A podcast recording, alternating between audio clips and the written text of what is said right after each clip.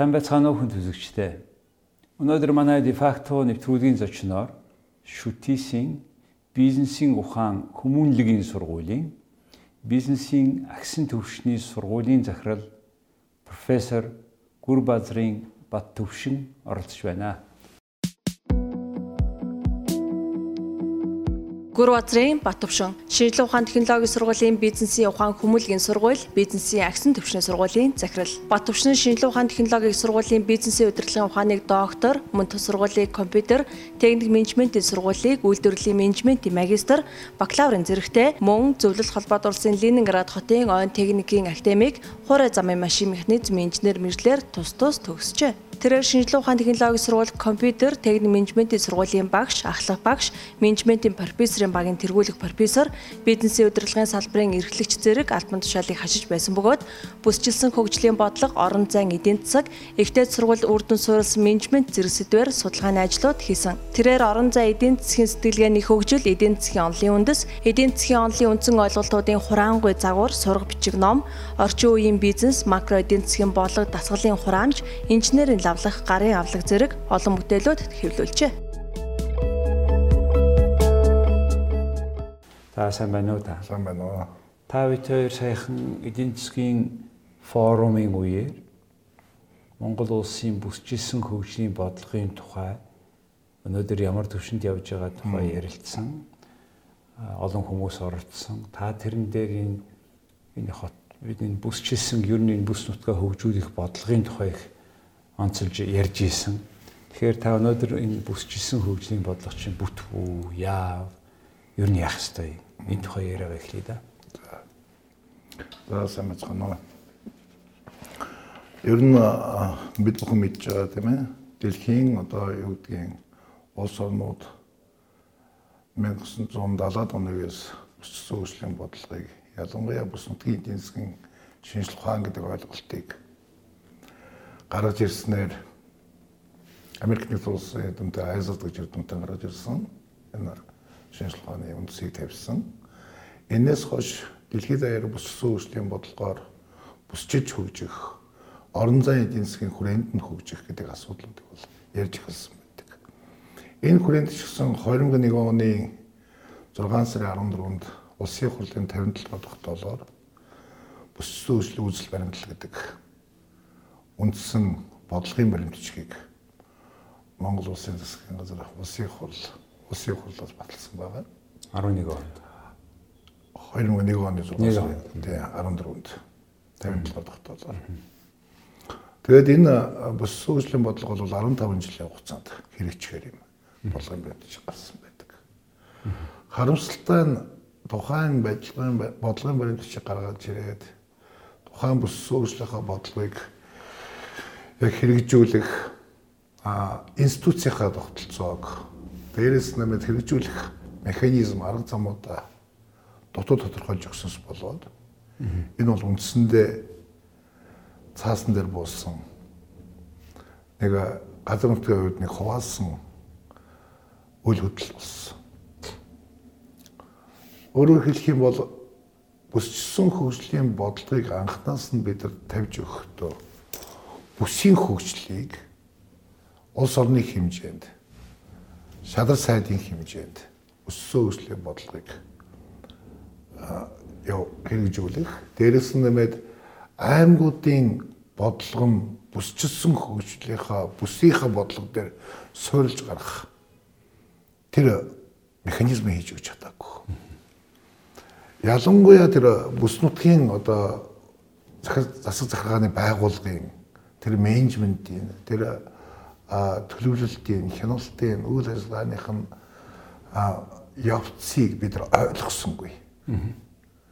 Тийм учраас энэ бүсчсэн хөгжлийн бодлого биш аймаг бүрийн өөрийнх нь тэр одоо юу гэдгийг аймгаа хөгжүүлэх аймгийн одоо засаг дарга гэдэг юм аймгаас гарсан улсын хурлын гишүүдийн өөрийнхөө зүгээр аймгийн хөгжүүлэх гэсэн лобби болж явжсэн. Тэгэхээр нэгдүгээр харамсалтай Монгол улс бодлого гаргахдаа хэрэгжүүлэх механизмын зөв зааж өгөөгүй. За тэр нөгөө татвар бусад бодлогоороо дэмжсэн тэр нөгөө суурийг гаргаж өгөөгүй учраас Монгол улсыг өсчийн хөгжүүлэх томоохон бодлого үндсэндээ цаас болоод үлдэж байгаа. Үлдсэн. 11 2 одоо 17 жил боллоо шүү дээ. Тэгэхээр за энийг наривчж яхаас өмнө энэ хэрвээ Монгол улс бодлого гаргаж байгаа бол иймэрхүү юм а хийж мэдэхгүй байгаа мó хүсэхгүй байгаа мó бидгийг боловсролын асуудал уу та өөрөө эрдэмтэн хүн доктор та өөрөө зөндөө олон мастер хүмүүсийг гаргаж байгаа. Тэгэхээр та энэ энэ талаасны хараад өгөөч. Тантай л ярихгүй өөр хүн нэг та эхнээс нь орсон хүн юу болохгүй. Яагаад яагаад гэж буруу хийж. Яагаад тэрийг мэдэхгүй байгаа юм уу эсвэл чадахгүй байгаа юм. Нэгдүгээрт бид нар энэ бүсчсэн хөгжлийн бодлого гэдэг энэ бүснүүдийн шинжлэх ухааны энэ ойлголтыг бүрэн одоо шинжлэх ухааных нь хүрээнд, шинжлэх ухааны судалгааны хүрээнд, шинжлэх ухааны судалгааны арга зүйн хүрээнд бид бүрэн ойлгож чадсангүй. Хоёрдугаард төрийн менежмент өөрөө бүр байсан. Төр өөрөө бодлого гаргаж тавиад ямар нэгэн бодлого гаргаж тавих юм бол тэр чинь хэрэгжүүлэх механизм байх хэрэгтэй шүү дээ. Арга хэрэгсэл нь байх хэрэгтэй шүү дээ. Аргууд нь байх хэрэгтэй шүү дээ. Тэрийг тодорхойлж өгч чадаа. Тэгэхээр бодлого гэдэг юмний цаана ерөнхийдөө бол энэ аюул том стратеги яриад эхэлж шүү дээ. Тэгээ энэ дотор стратеги хэрэгжүүлэхийн тулд тодорхой зорилго, зорилт тавиад тэгээд хэрэг яаж институцүүд байх хэрэгтэй шүү дээ. Тэгээ яагаад 2000 онд одоо интер институцийг тавьж өгөөгүй мэдэхгүй байна уу? Гэхдээ тэр институцийг яг одоо юу гэдгийг тавьж өгөөгүй гэхээс илүү илүү одоо юу гэдгийг завуучлаараа одоо жоохон ухаан муутай тавьчихсан байхгүй. За тэгэхээр шууд бүсдээр аваад хоёр төв хийгээд хоёр толгойтой бүргэд булгаа хийчихгүй юу? Тий за харамсалтай нь тийм би одоо Монголын засаг газрын чадвар 15 жилийн дараа сайжирсан гэж өрдөөсөө бодохгүй байна. Төр засагт бол хүмүүс авиас чадвар дээр нь биш гарын хаалга дээр суурилж очиж байгаа учраас шийдвэр нь буруу. Ингээ буруу замаар будаа хэлчихэж байгаа байхгүй бүхэл бүтэн улс орныг 17 жил. За хоёул одоо энийг яавал зөв болох вэ гэдэг талаас нь ярив.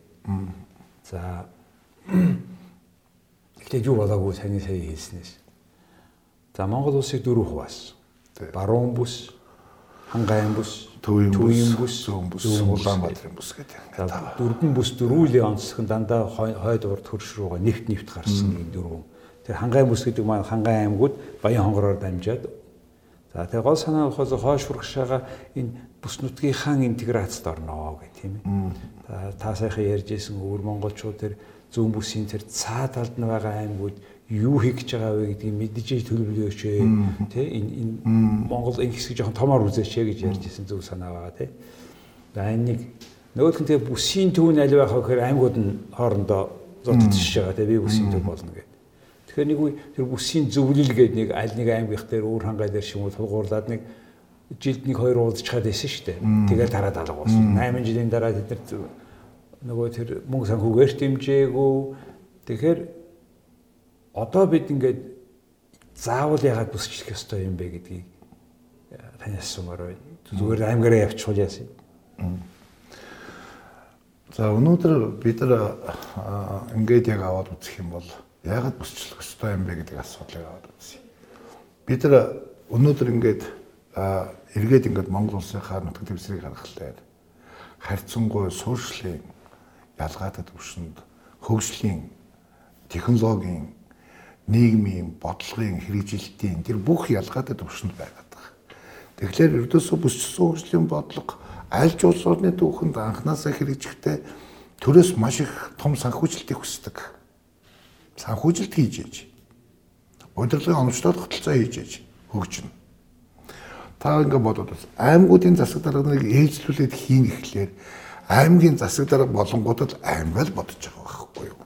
Тэгснээс бүхэл бүтэн тэр орон зайн хүрээнд нь хангайн бүсийн хүрээнд, төвийн бүсийн хүрээнд бол ойлгох байхгүй. Тэгэхээр одоо жишээлбэл хангайн бүсийн төвийг одоо өөр хангайн аймгийн төвд баруун бүсийн төвийг одоо яг ховдын төвд ч юм уу тийм ангийнхан төв. Ингиж байна гэсэн шийдвэр гаргаад явбал яасан шууд эхлэв. Ойролцоогоор нэг тийм юу. Одоо бид нар шүү дээ яг энэ хоёр одоо хоёр хөрш улс байна. Бид нар чи ингээд анхнаасаа босоо хийгээд одоо энэ анхны одоо бүссэн үйлчлэлийн үзэл баримтлалыг хийжсэн эрдэмтэд бол ухаантай хэлсэн л босоо хийгээд би бол тэрийг маш их зөв бос гэж үздэг. Өөрөөр хэлэх юм бол эн чинь мэдээллийн болон технологийн бүхий л нөөцийн хонгол болж хувирж байгаа байхгүй юу? Шууд хонгол. Баруун зүүнгээ хойд урд гэсэн хоёр том зах эдийн засгийн хоорондын хөгжлийн хонгол болж хувирах хэрэгтэй юм байна бид нар өөрсдөө хонгол гэж харах хэрэгтэй. А одоо зүг баруунаас зүүн рүү явж байгаа тэгээ а том замыг бол бид нар мөн адилхан хөгжлийн туйл буюу хонгол гэж харах хэрэгтэй юм байна. Энэ хөгжлийн хонглуудын одоо тэгэхээр бид нар аль аймаг дээр байгуулах уу гэхээсээ илүү хаана төвлөрсөн хөгжил бий болгож болох вэ? За тэгэхээр тулд ямар ямар шалгуураар бид нар жишээлбэл аймгийн төвдөө хийчих юм уу, цоо шинэ газар хийх юм уу? Энэ ямар ямар шалгуур байна. Тэгэхээр одоо аймгийн төвдөр хийх юм уу, цоо шинэ газар хийх юм уу? Тэгэхээр одоо бидний ингээд олон 10 жилийн турш одоо 20 30 жилийн турш өнөөдөр бидний ингээд зах зээлийн эдийн засгийн шилжснээр ингээд явж байгаа нөхцөл байдлыг харах юм бол одоо тэрийг ингээд газрын зураг дээр харахад үндсэн гурван шилжилт Улаанбаатар руу явсан шилжилтийн хөдөлгөөн бийдэг. За тэр шилжилтийн хөдөлгөөн дээр эргээ харахлаар тэрийг бүгдээр ингээд ингээд нутаг төвчрийн хувьд харахлаар өөрийн тэр төвлөрөл бий болох газруудаа өөрөө зах зээл чи өөрөө бий болгоод өгсөн байгаа юм тийм. Тэгэхээр бид нар одоо жишээ нь тэр газруудад нь үйлдвэрлэлийн төрөлжилтийг бий болгоод нөөцдөр нь суурилсан орон нутгийн тэр бүс нутгийн өөрийнх нь нөөцтэй суурилсан Монгол улсын хөгжлийн тэргүүлэх салбаруудын төрөлжилтүүдийг бий болгох. Ойлгож байна гэхдээ таны сая ярьж байгаа дэр бол жишээлбэл баруун бүсийнхэн Эрдэнэ туруу нүүснийг ярьж байгаа шиг байна тийм ээ. Тэгээд наад араа уртлаасаа наашаа Улаанбаатар Улаанбаатар ярьж дархан луу нүүс дархан уруу тийм. Тэгэхээр энэ гурван хот өөрөө тус тусдаа нэг бүсийнхэн төв байлгая гэж юу? Үгүй. Бид нар одоо жишээ нь Өвөр хангаан аймгийн одоо тэрэн дээр яваад ирэхлээр одоо ингээд яг тэрийг ингээ харахад ер нь урбанизацад агаад нүүж байгаа нүүдэл буюу тэр эдийн засгийн тэр нөөцийн нөгөө өөрийнх нь шилжилт хөдөлгөөн дээр суурилсан хөгжлийг ингээ харахаар хоёр янзын шилжилт явагдаад байгаа юм. Нэг нь болохоор яг урбанизац руу дагсан ихэвчлэн одоо юу гэдгийг а өөрийн одоо энд хурж ирэхлээр ажил эрхлэлт ажил эрхлэлтэй болох альсвал ядуурлаас ямар нэгэн байдлаар гарах гэсэн хүсэл эрмэлзэл яадаг юм гэсэн. А гэтэл тэр нөөцүүд агаад өөрийнхөө мэдлэгийн нөөцийг, капиталынхаа нөөцийг тэр шилжих нөөцүүдэд дагаад шилжиж ирж байгаа хүмүүсийн нөөц энд тэнд очиод өөрийн гэсэн төлөвлөлийн орон зай бий болгоцсон баг. За. Жишээ нь одоо ингээ хараад үзэх юм бол бид нар ингээ хараад үзэх юм бол тэр арангай өөр хангаа хоёрын дунд нэг юм нөөцийн ийм маш олон ийм олон хүн амтай сумуудын төвлөрлүүд бий болж ирсэн. Кластер маяг. Тийм кластер маяг. Тэр чинь айгүй бол хөдөө аж ахуйн класс нь байж байгаа байхгүй юу? За тэгэхээр биелээгүй ч гэсэн юу ч гэсэн бидний гар дээр юм ажиглалт хийсэн тий ерөнхийдөө өөрийнхөө хүчээр. Гэтэ энэ бол дид бүтцээсээ бас хамаарсан байж магадгүй. Тий тэгэхээр за та тэр цоошин за саяын хүчин зүйлүүдийг тооцоод аль нэг газар нь ингээд дөрвөн бүсийнхаа төвийг олъё л. За төвийн бүс нь бол Улаанбаатар л байхад бол тийм ээ. Тэгээд ингээд ингээ хөгжөөд явсан нь зүгээр аймгаараа хөгжөөж явснаасаа мэдээж нөөцүүдийг таны хэлснээр төвлөрлийн асуудал болж байна тийм ээ. А тухайн бүстэй а Улаанбаатар хотоос төвлөрөлийг сааруулсан юм болох гэж шүү тийм ээ. Имлэг сургууль. Тэгээ энэ бүхэн чинь ингээд бүгдээрээ хоттой бөөгөнд өрөхгүй ингээд бүс бүсийн өөрийн жижигхэн төвүүдийг. Нийслүүд бий болох гэдэг шүү тийм ээ Тэгэхээр энийг одоогоос та нэг хэдэн жилийн өмнө хийх энэ бол хийх ёстой тийм. Хизээ хэр бид нар энийг хийж чадах вэ? Тэгэхэд юу хэрэгтэй байна вэ гэдэг талаар хэлж байна. Одоо бид нар нэг юм байгаа. Одоо яагаад бид нар энийг хийх ёстой юм бэ гэдгийг би эхлээд хэлж үзсагадаад байна. Яагаад гэвэл а одоо нэг аймаг уу? Нэг одоо юу гэдгийг сум өөрийнхөө хэрэгцээг хангах мэдээж боломж байхгүй. Тэгэхээр аймаг сум ямар нэгэн байдлаар эдийн засгийн буюу нийгмийн эдийн засгийн харилцаанд хөрс зэрэгэлдээ аймагуд хөрс зэрэг бүсүүд рүү орж эхэлж байгаа. Тэгэхээр бид нар одоо таварын шилжилтийн тэр дижитал систем дээр тоон өвдлийн систем дээр суурилсан тэр таварын шилжилт хөдөлгөөн буюу мэдлэгийн шилжилт хөдөлгөөн энэ бүгдээр ингээд бид нар судлах хэрэгтэй юм байна. За энэ талаар хийсэн судалгаа байна. Ер нь бол яг хуу одоо үндэсний хөгжлийн газар дээр а тодорхой хэмжээний судалгаанууд хийгдэж явж байгаа. Анхны одоо нэг тийм өгөгдлийн сан бий болж байгаа. Энэ өгөгдлийн сан өөрөө бидний анханасаа одоо ажилтны дөрөвдүгээр хувьсгал гэдэг германуудын яриад байгаа юм чинь. Ердөөсөө тэр чинь өгөгдлийн сан дээр суурьсан зөв логистик систем. Зөв логистик систем бий болоод ирэхлээр а одоо нөгөө илүү бүтээгдэхүүн үйлдвэрлэх, илүү зардал гаргах тэр систем өөрөө алд тэр зарчим алдагч эхэлж байгаа. Буюу одоо тэгэхээр та яг энэ олон өгөгдлөөсөө үзэж байгаа тэр магадлалын онол одоо бүх судалж гаргаж байгаа одоо янз бүрийн модель хийж байгаа тийм загварчилж байгаа. За нэг газар бид сонголоо. Тэр нь тэр нь заавал аймгийн төв байх ёсгүй юм шиг бай, албагүй юм шиг бай. Тэгэхээр тэрийг хамгийн одоо энэ дөрөвдүгээр хувьсгалын чинь нэг ашиглаад хамгийн смарт гэж яриад шүү. Ухаалаг болгоод дид бүтцийн тавиад тэгээд цоо шинээр ийм соёл иргэн шилийн төв бий болгох тэр арга хэмжээг чи Улаанбаатарын хар хороор үнэлгэж барина гэж ярьж байгаа оронд ийм маягаар ийм авах одоо тийм алсын хараатай ажиллаж байгаа ямар нэг юм байна вэ улс оронд ч. Одоо ер нь бид нар бол одоо үндэсний хөгжлийн газар энэ шадар сайдын хүрээнд бус хөгжлийн үзэл баримтлалыг шинээр тодорхойлох гээд байж байна. За энэ бодлогын бичиг баримтаар ерөнхийдөө бидний суур ойлголтууд гарах байх гэж бодож байна.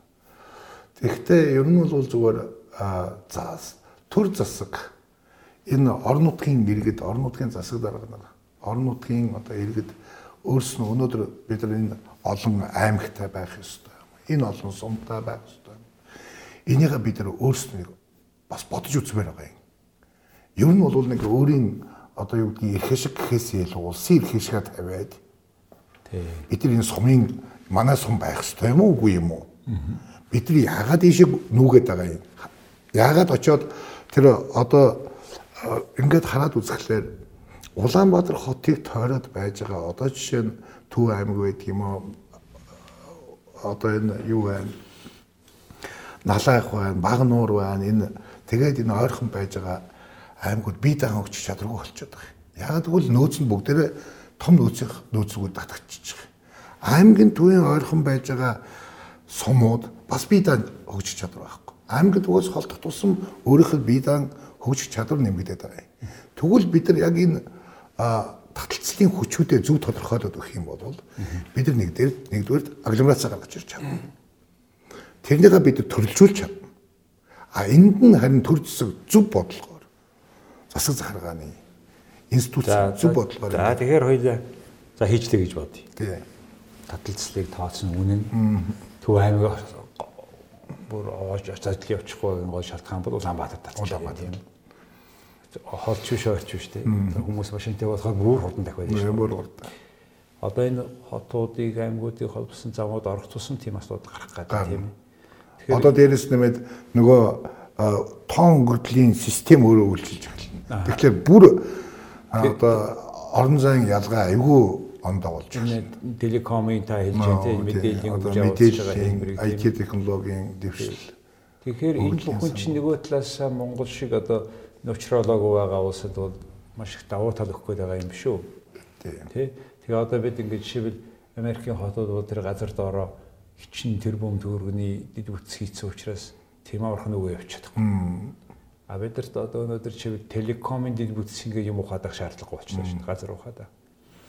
Wi-Fi гэж шинэ орчин бий болж байна. тэгэл дараа дараагийн үеийг эхэлж шít. Блокчейн гэдэг. Тэгэхээр энэ нөхцөл за бид нэг уучраа очлоо гэж бодъё. Тэгтэл энэ бүхний цаа нэг том за Монголын бүсчилсэн хөгжилтөнд буурсан тэр шалтгаан нь юу гэхээр татварын асуудал. Тэнд байгаа орон нутгад байгаа бизнесүүд орон нутгаа хөгжүүлэхэд татварны явах хэрэгтэй болохоос биш. Улаанбаатарыг хөгжүүлэхэд явах гэсэн. Улаанбаатар ч гэсэн Улаанбаатарт авж байгаа татвар Улаанбаатараа хөгжүүлэхэд явахгүй өөнөр нь авчаад талаар нэг тараагаад тэгээд амардчихгүй хамардчихгүй ингээд машин нэж багтахгүй юм болчиход шүү дээ. Тэгэхээр яг таны бүсчилсэн хөгжлийн бодлоготой цуг орон нутаг өөрөө татвараа авдаг. Тэрэндээ тодорхой хэмжээгийн зарцуулдаг. Ялангуяа орлогын татварууд, ашигын татварууд тийм ээ. Үндсэн хөрөнгийн татварууд. Энэ талаар та юу вэ? Ер нь маш зөв асуудал. Ер нь бол бид нар ингээд орон нутагт нь төсвийн санхүүжилтийнх нь их чөлөөг өгөхгүй юм болвол энэ өөрөө үргэлжийн мөнх нэгдсэн төсвөөс явна гэж байхгүй. Тодорхой хувьдын аваад одоо тэр ихтгэл одоо ухаантай засаглалтай улсуудад одоо жишээ нь тэр ашигтмалтаас олсон татварыг хүртэл чигд тархах одоо инклюзив гэдэг нэг хөгжлийг бий болгох, их шивтэмж хөгжлийг бий болгох тарцуулж байна. Энийг бид нар хийх ёстой. Энэ механизм заавал хийх ёстой. Худалдааны татвар. Тийм. Компаниудын ашигын татвараас тодорхой хувийг газар өгөх ёстой. Өөр нэг харамсалтай юм нь Монголд маш олон компани аялал жуулчлалыг бүгдээрээ Улаанбаатар бүртгэлтэй. Орон нутагт юу ч үлдээдгүй жорлон л үлдээж. Тэгээд нөгөө хүмүүс чинь би тэнд татвараа төлж байгаа гэд ялангуяа томхон тэр аргасан том дарга нарын хүмүүс холбоотой бизнесүүд нь ингээд ярьлээ. Тэгээ нэг хүмүүс малчин чи яа уучраа мэдэхгүй гомдоод байдаг. Зарим нь ууралдаг. Уул уурхайн ашиг олборлолтын олборлолтын төлбөр гэж байдаг. Royalty. Тэрнээс 9% хүртэл авж байгаа. Тэг авсан мөнгөнийхөө 30%-ыг орон нутгад очих хэрэгтэй. Очихгүй болохоор нөгөө хүмүүс чинь бичээрээ нийтэлсэн байдаг. Ах юу ч аваагүй байдаг. Тэг уурлаад шүү дээ хүмүүс. Ингээ зохицуултын асуудал бас болох юм тийм ээ. Тий. Татварын сахилга батбол хөгжлийн суурь Мөн. тийм ээ. За гурав дахь юм. Тантай асууж бодсон юм. Та ингээд энэ сонголтын асуудлыг ярьж байгаа нь таталцал гэдэг чинь тийм тухайн хүн яагаад шивэл өөрийнхөө тэрэнд үстэй илүү байх хэрэгтэй юм бэ? Урт хугацааны перспектив нь одоо ирээдүйн яаж холбох юм бэ? Яавал энд амьдралыг сонин болох вэ? Энэ талаас нь та яаж байна? Ер нь бол ингээд одоо ингээд дэлхийн улс орнуудыг ингээд харахад дэлхийн улс орнуудын одоо энэ хот том хотууд энэ бол соёлын төв тийм ээ энэ бол засаг захиргааны төв энэ бол одоо технологийн төв инновацийн төвч байдаг юм байна дагуулгатууд дагуулгатууд болохоор үйлдвэрлэл. Ялангуяа тэр үйлдвэрлэл яваад амьдралын мөчлөгийн дуусах шатн дээр шинэ инновац өгчээж тэр үйл хот өөрөө хөгжиж. Тэгэхээр тэр хотод амьдарч байгаа урт удаан хугацаанд амьдарч байгаа хүмүүс бол өөрөөр хэлэх юм бол одоо ингээд бид нар Ирландд яваад очих юм бол Ирландууд бол бүгдээрээ л уулуурхайн салбарт ажилладаг хүмүүс л байна. Хүмүүстэй. Голландын одоо нэг мужид яваад очих. Тэнд хөдөө аж ахуйн салбарт үе удам дамжсан хөдөө аж ахуйн салбарын маш том мэдлэгтэй эрдэмтэд болоод хувирцсан байгаа байхгүй ард иргэд. Тэгэхээр бид нар ирээдүйд ингээд харах юм бол бид нар өнөөдөр өнөөдөр нөгөө малчтайгаа нүүдэлчин малчин гэж бодохоос илүү ухамсартай үйл ажиллагааг эрхэлдэг. Дээрээс нь нэмээд өөрийнхөө мал маллагын системд инновац технологи суурилуулсан фермерүүд болсон сэтгэлгээтэй хүмүүс болж байгаа юм.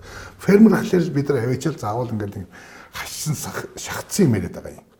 Фермер болох үндсэн шалтгаан буюу тэр мал малын зохистой бүтцийг бий болгох, сүргийн зохистой бүтцийг бий болгох асуудал өөрөө зах зээлтэй хамгаалалт байгаа. Тийм. Зах зээл нь өөрөө тийм бүтээгдэхүүн, тэр нөөцийг авч эхлэх юм бол тэд нар өөрийнхөө энэ чинь өөрснийхөө малын зөв бүтцийг бий болгоно. Өөрснөө байнгын орлоготой болгох юм бол тэд нар юу гэж 2 3 мянган малтай тэгэл ингээл өдөр шөнөгүй тэрнийг дэлэн гişвтэр шувтаа шууд заах юм бэ. Тэд нар чинь гадагшаа яваад малчин өөрийн мэдлэг тийм мэдлэгжүүлэх ёстой. Энэ тэд нар чинь ингээд гадагшаа яваад энэ тэнд очиж зугаална, амарна, үр хүүхдүүд нь илүү тавлаг сайхан орчинд бий болно. Тэгэхээр та их сонин санаа гаргаж байна. Юу гэхээр малчин байна гэдэг чинь бас их нарийн ухаан байна. Унаар явах. Тэрийг ойлгоно, мэдэрнэ, тэр эко өөрчлөлтийг ойлгоно, мэдэрнэ гэдэг чинь тий. Хэрвээ тэгж чадаад тэрийг одоо шинжлэх ухааны үндстэйгээр одоо аав ээж нь мэдээ, дараа нь үр хүүхэд нь мэдээд авсны дараа яг тэр арга барилаар жишээвэл одоо хорвоо дээр ингээд хүн амьдраагүй малтай газар их байгаа юм л да. Чи Америк нэгдсэн улс 330 сая хүн тэлж байгаа. 50 сая хүнд. Нөө тэр нутгийнхын дундуур маш их зэрлэг газар байгаа айгу том. Зэрлэг мустангууд байгаа. Яахаа мэдэхгүй. Будж байгаа. Нөгөөх нь дэндүү олон болцсон. Нөгөө зэрлэг адуу. Гэхдээ тэр чинь нэг Монгол адуучин хүн яаж зохицуулахаа мэдэх юм бол том битээ болохоос адилхан морил байгаа шүү. Морил байгаа. Тий. Тэгэхээр трийг эргэлтэнд оруулах хэмжээний юм бодмоор юм шиг. Энийг хамгийн нээлттэй чөлөөтэй боддог хүмүүс чинь галанд хүмүүс юм байна. Тэгээ хүүхдүүдээ ердөөсө хөршийнхэн бүх хэлийг мэддэг юм байна тэд нар чинь. Англиар ярьдаг, францаар ярьдаг, нэмцээр ярьдаг галандууд. Тэгээд өөрийнх нь даач гэж хэл байна. Тэгээд энэ хэл дэлхийд ер нь даач байхгүй газар байхгүй байна. Тэгээд энэ дашаад аж ахуй эрхэлждэг. Яг л саяны сая хэлсэн үе дамжсан мэдлэг нь нөгөө мэдлэг нь бүр чадвар болцсон. Мэд трийг ашигладаг. Тэгэхээр тэгж хүртэл харж болох юм да тийм ээ. Тий. Тэгээд одоо бид нар ингээд хөдөө ингээд айлуудаар явхлаар айл болгоны хажуудалд нэг машин зогсож байгаа. Зарим айлууд нь одоо жоохон чадварлаг айлууд нь трактор авцсан байгаа байхгүй. Тэр айл тэр машин трактор хоёрыг үндсэндээ жилдээ 2 3 удаа л хэрэглэнэ. Гэтэл яагаад энийг зөв зохион байгуулалтанд оруулаад дундын мал мал одоо мал малганд зориулагдсан механикжуулсан системийг бий болгож болохгүй байгаа юм бэ? Эдийг яагаад даатгал хамруулж болохгүй байгаа юм бэ? Эдний яагаад хөрөнгө дээр IPO уусгаж болохгүй байгаа юм бэ? Яагаад эднийг сайхан амьдруулах үндсийн тэр аймгийн засаг дарга нар гэж байж байгаа өнөөдөр ард түмнийхээ өмнөөс сонгогдсон улсын хурлын гишүүд энийг шийдвэрлэж болохгүй байгаа юм бэ гэдэг асуу. Тэгэл янз бүрийн хөтөлбөрүүд гаргаад байна. Тэр нь амьдрал дээр яваад очихлаараа хэрэгжих боломж байна. Тий, тэр ч юм хийх гэж биш одоо годвол сонгогдох гэж байгаа хөтөлбөрүүд учраас хараа тэр хөдөөд ер нь хүмүүс хамтрахгүйгээр хоршихгүйгээр юм бүтэхгүй шүү. Бүтэхгүй. Тэгэхээр Монголын хөгжлийн хөдөөгийн хөгжлийн суурь нь багуудын гишүүдийн хамтын ажиллагаа юм шиг. Тэгэхэд дундын хөрөнгө хэрэгтэй болно. А тэгэхэд тэр тэр багийн бэлчээрийг тэднэрт ашиглах хэрэгтэйгээр хувьчлуучмаар юм шиг, өгчмөр юм шиг. Тэгэд айл болгоны өвлжөөгийн хувьд хувьд нь зар зарах хэрэггүйгээр өгчмөр юм шиг. Тэгэхээр өгтөө бол хүүхдэл гэж болно гэх мэт. Тэгээд ингээд багуудыг хамтарсан, дундын өмчтэй байх. Хэрвээ тэд нэр хамтарч ажиллах юм бол нөгөө аймгаас орон нутгийн сангаас тэднэрт хөрөнгө авч өгдөг. Хамтарч ажилласан тохиолдол. Одоо тийм механизм байхгүй ш. Тэгэхээр энэ дээрээ бас анхаармаар юм байна тийм ээ. Монгол улсын хөдөөгийн хөгжийн суурь нь бол баг юм байна. Тэдний хамтын ажиллагаа юм байна. Өрсөлдөөн юм байна. Яг тэрэн дээр Солонгос хөдөөгөө хөгжүүлэхдээ яг тосгонд нь бүр цемент өгсөн байна. Айл болгонд хэрвээ чиний хийвгээд цемент шууд гарна өгсөн байна. Дараа нь төмөр өгөө дээвэрлсэн байна. Дараа нь бетон өгөө зам момын янзлсан. Яг энэ аргаар бид Монголын хөдөг өөрчлүүлэх тийм ухаалаг хандаашээ гэдэг тухай яригдлаа шүү дээ. Нөгөө бидний юуны эдийн засгийн форум дээр чинь тухай ярьсан. За миний асуултын сүүлийн хэсэг нь болохоор та чухал техникийн сургуулийн бизнесийн ухааныхын сургууль дотор багшилдаг хүн. Энэ чиглэлээр Монголд ялангуяа энэ техникийн боловсролыг нэмэгдүүлэх тухай техникийн одоо тэр нөгөө баруун юу лээ юу математик, science гэдэг энэ хідэн илүү энийг мэджээж дэлхийд илүү сайхан амьдрна гэдэг тухай яавал одоо хүмүүст хэлмээр энэ тухай та юу гэж боддог? Ердөөсөө шинжлэх ухаан дээр суурилсан шинжлэх ухааныг илүү тэргүүлэх чиглэлээ болгож явсан улс орн болвол дандаа хөгждөг. Одоо өнөөдөр би бол дэлхий дээр хоёр айгүй гайхамшигтай улс байдаг гэж үздэг. Нэг нь англичууд байна, нөгөөх нь японочууд байна. Эдгээр бол юу хийгээд байна? Урт удаан хөгжлийнхөө бодлогыг хараад шинжлэх ухааны тэргүүлгийг нэ тавьж өгöd байна. Өнөөдөр манай шинжлэх ухааны одоо энэ олон эрдэмтэд байна, энэ институцууд байна. Яагаад болохгүй байна? Бид бүх юмыг судлаад эхэлсэн. Бүх юмыг. Ердөөсөө бидэд судалж үзээгүй юм байхгүй. Гэхдээ яг энэ дээрээ өнөөдөр гайхамшигтай олвол дэлхийн түвшинд үүсэх судалгааг цөөхөн салбарт одоо байвал цөөхөн салбарт байгаа. Төвлөрий гэж юм тий та. Тэгэхээр би бол тэргүүлэх чиглэлүүдэд тодорхойлох хэрэгтэй. шинжлэх ухааны тэргүүлэх чиглэл гэж юм байх ёстой. Тэр нь үйлдвэрлэлийнхаа бодлоготой уялдах ёстой. За. Тэгэхээр одоо жишээ нь яагаад Японууд, яагаад Америкууд, яагаад Англичууд, яагаад тэр дэлхийн ухаантай ард түмнүүд яагаад төрөлдсөн шинжлэх ухаан дээрээс суурилсан хөгжлийн бодлогыг бий болгоод байгаа юм бэ? Аж үйлдвэржилтийн бодлогыг бий болгоод байгаа юм бэ? Одоо их ихэд юу хэрэгтэй? Яах? Одоо наадах чинь бий болохын тулд бид нар өнөөдөр бий бол одоо жишээ шинжлэх ухааны технологийн сургууль бол а одоо судалгааныхаа үндэс тэргүүлэх чиглэлийг гаргах хэрэгтэй гэж бодож байна. Өнөөдөр бид нар яг ямар ямар одоо энэ 8 9 одоо салбар сургууль байна. Өнөөдөр салбар сургууль болгон мэдээж одоо энэ өнөөдөр байж байгаа нийгмийн эдийн засгийн орчинд бол ямар нэгэн нөлөөлөлттэй. Гэхдээ эхлээд аль чиглэлийг аваад явах юм бол нөгөө чиглэлийг дагаад бусад эрдэмтэд нь тэр чиглэл рүү хандсан инновац технологийн бүтээлүүдээ гаргаж ирэх вэ гэдгийг бид нар Тэгээд бодлогоороо хийж хийхгүй байгаа. Одоо тэгэл аа одоо та нэг төрөдийг хэллээ шүү дээ. Энэ том том хүмүүсийн юу ирэх ашиг дагаад ингээд юм ингээд замхарч яа гэдэг үндсэндээ тийм.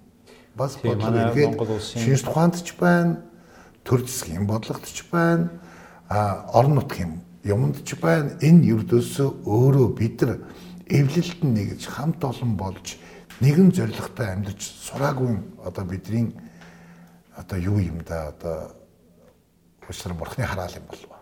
Аа бурхан ч хараа хийг байх вэ? Чи төгрийн хараал байх. Зүгээр асуулт юу вэ гэхээр асуулт юу вэ гэхээр хүнгээ халуурдаг шүү дээ. Би энэ муудаа тий. Монгол улс улс төрж бүх салбар нь халуурсан байна. Энэ нэмжлэгээ гаргах зогсооход бол хүн болгон хүчин зүтгэх хэрэгтэй байна. Тий. энэ улс төржиж энэ төрд очоод илүү амьдрна гэсэн энэ дэмирлээ те энэ ухаан гүйдэл байдлаа олих орхимоор юм байна бүгдээр. А тэгж бодоод байгаа учраас хүмүүс тэгээд байгаа байхгүй. Сайхан ярилцлаа. За баярлалаа. Тэгвэр.